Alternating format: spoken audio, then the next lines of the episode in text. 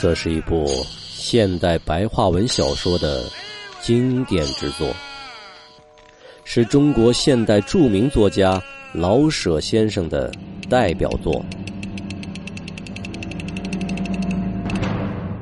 骆驼祥子》。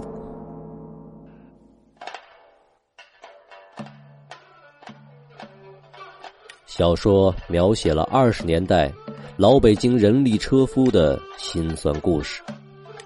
淋漓尽致的展现了旧中国军阀混战、黑暗统治下的北京底层贫苦市民生活于痛苦深渊的图景，同时，又是对老北京风土人情的生动描画。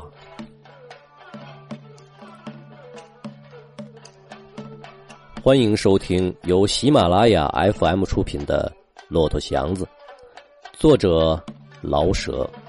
演播：董启言。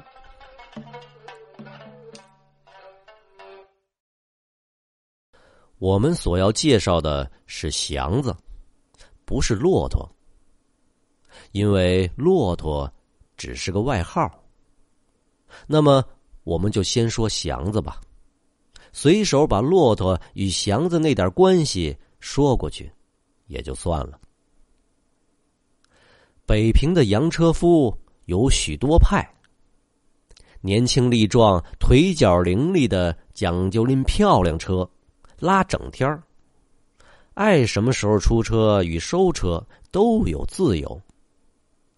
拉出车来，在固定的车口与宅门一放，专等坐快车的主。弄好了，也许一下子弄个一块两块的。碰巧了，也许白耗一天，连车份也没着落，但也不在乎。这一派哥们的希望大概有两个：或是拉包车，或是自己买上辆车。有了自己的车，再去拉包月或散座就没大关系了。反正车是自己的。比这一派岁数稍大的。或因身体关系而跑得稍差劲儿的，或因家庭关系而不敢白耗一天的，大概就多数拉八成新的车。人与车都有相当的漂亮，所以在要价的时候也还能保持住相当的尊严。这派的车夫也许拉整天儿也许拉半天儿在后者的情形下，因为还有相当的精气神儿，所以无论冬天还是夏天，总是拉碗儿。夜间，当然比白天需要更多的留神与本事，钱自然也多挣一些。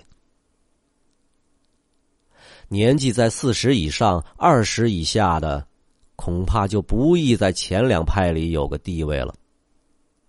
他们的车破，又不敢拉碗儿，所以只能早早的出车，希望能从清晨转到午后三四点钟，拉出车份儿和自己的脚骨。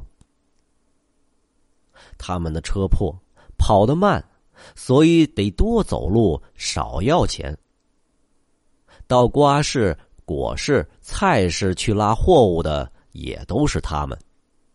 钱少，可是无需快跑呢。在这里，二十岁以下的，有的是从十一二岁就干这行，很少能到二十岁以后改变成漂亮的车夫。因为在幼年受了伤，很难健壮起来。他们也许拉一辈子洋车，而一辈子连拉车也没出过风头。那四十岁以上的人，有的是已拉了十年八年的车，筋肉的衰损使他们甘居人后。他们渐渐知道，早晚也是一个跟头会死在马路上。他们的拉车姿势、讲价时的随机应变、走路的超近绕远都足以使他们想起过去的光荣，而。用鼻翅扇着那些后起之辈，可是这点光荣丝毫不能减少将来的黑暗。他们自己也因此在擦着汗的时候常常叹息。不过，以他们比较另一些四十上下岁的车夫，他们似乎还没有苦到了家。那是一些以前绝没有想到自己能与洋车发生关系，而到了生和死的界限已经不甚分明，才抄起车把来的。被撤差的巡警或校役，把本钱吃光的小贩。或是失业的工匠，到了卖无可卖、当无可当的时候，咬着牙，含着泪，上了这条死亡之路。这些人生命最鲜壮的时期已经卖掉，现在再把窝窝头变成血汗，滴在马路上，没有力气。没有经验，没有朋友，就是在同行里也得不到好气儿。他们拉最破的车，皮带不定一天泄多少次气，一边拉着人，还得一边央求人家原谅。虽然十五个大铜子儿已经算是甜买卖，此外。因环境与知识的特异，又使一部分车夫另成派别。生于西苑海淀的，自然以走西山、燕京、清华较比方便。同样，在安定门外的走清河北苑，在永定门外的走南苑。这是跑长趟的，不愿拉零座，因为拉一趟便是一趟。不屑于三五个铜子儿的穷凑了，可是他们还不如东郊民巷的车夫气儿长。这些拉洋买卖的，讲究一气儿由东郊民巷拉到玉泉山、颐和园或者西山，气儿长也还算小事儿。一般车夫万不能争这项生意的原因。大半还是因为这些吃洋饭的有点儿与众不同的知识。他们会说外国话，英国兵、法国兵所说的万寿山、雍和宫、八大胡同，他们都晓得。他们自己有一套外国话，不传授给别人。他们的跑法也特别，四六步，不快不慢。低着头，目不旁视的贴着马路边走，带出与世无争而自有专长的神气。因为拉着洋人，他们可以不穿号坎儿，而一律的是长袖小白褂，白的或黑的裤子，裤筒特别肥，脚腕上系着细带，脚上是宽双脸千层底儿的青布鞋，干净利落。神气！一件这样的服装，别的车夫不会再过来争座与赛车。他们似乎是属于另一行业的。有了这点简单的分析，我们再说祥子的地位，就像说我们希望一盘机器上的某种钉子那么准确了。祥子。在与骆驼这个外号发生关系以前，是个脚比有自由的洋车夫。这就是说，他是属于年轻力壮，而且自己有车的那一类。自己的车，自己的生活，都在自己手里，高等车夫。这可绝不是件容易的事儿。一年，两年。至少有三四年，一滴汗，两滴汗，不知道多少万滴汗，才挣出那辆车。从风里雨里的咬牙，从饭里茶里的自苦，才挣出那辆车。那辆车是他的一切挣扎与困苦的总结果与报酬。像身经百战的武士的一颗勋章。在他拎人家车的时候，他从早到晚，由东到西，由南到北，像被人家抽着转的陀螺。他没有自己，可是，在这种旋转当中，他的眼并没有花，心并没有乱。他老想着远远的一辆车，可以使他自由独立，像自己的手脚的那么一辆车。有了自己的车，他可以不再受拴车的人们的气，也无需敷衍别人。有自己的力气与洋车，睁开眼就可以有饭吃。他不怕吃苦，也没有一般洋车夫的可以原谅而不便效法的恶习。他的聪明和努力都足以使他的志愿成为事实。假若他的环境好一些，或多受点教育，他一定不会落在胶皮团里。而且无论是干什么，他总不会辜负了他的机会。不幸，他必须拉洋车。好，在这个营生里，他也证明出他的能力与聪明。他仿佛就是在地狱里也能做个好鬼似的。他生长在乡间，失去了父母与吉姆伯田，十八岁的时候便跑到城里来，带着乡间小伙子的粗壮与诚实。凡是以卖力气就能吃饭的事儿，他几乎全做过了。可是不久他就看出来了，拉车是件更容易赚钱的事儿。做别的苦工，收入是有限的。拉车多着一些变化与机会，不知道在什么时候与地点就会遇到一些多于希望的报酬。自然，他也晓得这样的机遇不完全出于偶然，而必须人与车都得漂亮精神，有货可卖，才能遇到识货的人。想了一想。他相信自己有那个资格。他有力气，年纪正轻，所差的是他还没有跑过，也不敢一上手就拉漂亮的车。但这不是不能胜过的困难。有他的身体与力气做基础，他只要试验个十天半月的，就一定能跑得有个样子，然后去另辆新车。说不定很快就能拉上包车，然后省吃俭用的一年两年，即使是三四年，他必定自己打上一辆车，顶漂亮的车。看着自己年轻的肌肉，他以为这只是时间的问题。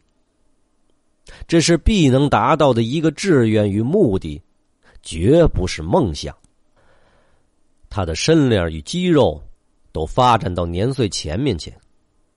二十来岁，他已经很大很高，虽然肢体还没被年月铸成一定的格局，可是已经像个成人了。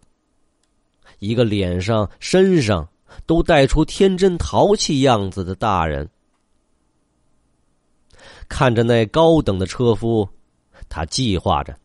怎样杀进他的腰去，才更能显出他铁扇面似的胸与直硬的背？扭头看看自己的肩，多么宽，多么威严！杀好了腰，再穿上肥腿的白裤，裤腿用鸡肠的带系住，露出那对出号的大脚。是啊，他无疑的可以成为。最出色的车夫，他傻子似的笑了。他没有什么模样，使他可爱的是脸上的精神。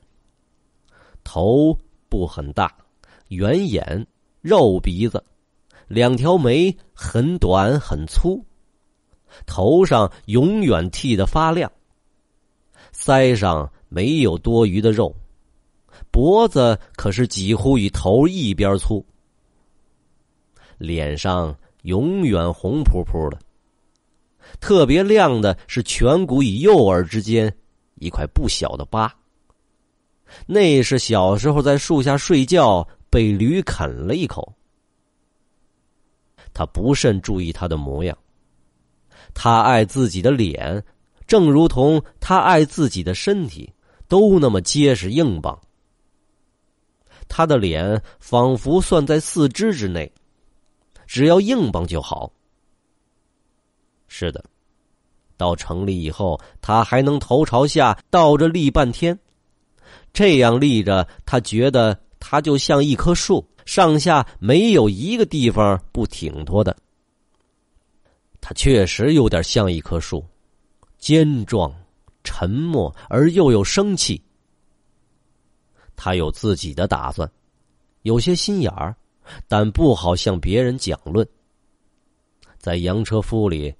个人的委屈与困难是公众的话料。车口上、小茶馆里、大杂院里，每个人都报告着、形容着或吵嚷着自己的事儿。而后，这些事儿成为大家的财产，像民歌似的由一处传到一处。祥子是乡下人，口齿没有城里人那么灵便。倘若口齿灵便是出于天才，他天生来的不愿多说话，所以也不愿学着城里人的贫嘴恶舌。他的事儿他知道，不喜欢和别人讨论，因为嘴常闲着，所以他有功夫去思想。他的眼仿佛老是看着自己的心。只要他的主意打定了，他便随着心中所开开的那条路走。假若走不通的话，他能一两天不出一声，咬着牙，好似咬着自己的心。他决定去拉车，就拉车去了。练了辆破车，他先练练腿儿。第一天没拉着什么钱，第二天的生意不错。可是躺了两天，他的脚脖子肿得像两条裤子似的，再也抬不起来。他忍受着，不管是怎样的疼痛，他知道这是不可避免的事儿。这是拉车必须经过的一关，非过了这一关，他不能放胆的去跑。脚好了之后，他敢跑了。这使他非常的痛快，因为别的没有什么可怕的了。地名他很熟悉，即使有时候绕点远也没大关系。好在自己有的是力气。拉车的方法，以他以前干过的那些推、拉、扛、挑的经验来领会，也不算十分难。况且他有他的主意。多留神，少争胜，大概总不会出了毛病。至于讲价争座，他的嘴慢气盛，弄不过那些老油子们。知道这个短处，他干脆不大到车口上去，哪儿没车，他放哪儿。在这僻静的地点，他可以从容的讲价，而且有时候不肯要价，只说声。坐上吧，瞧着给。他的样子是那么诚实，脸上是那么简单可爱，人们好像只好信任他。他不敢想这个傻大个子会是敲人的。即使人们疑心，也只能怀疑他是新到城里来的乡下佬，大概不认识路，所以讲不出价钱来，以致人们问道：“认识啊？”他又像装傻，又像耍俏的那么一笑，使人们不知怎样才好。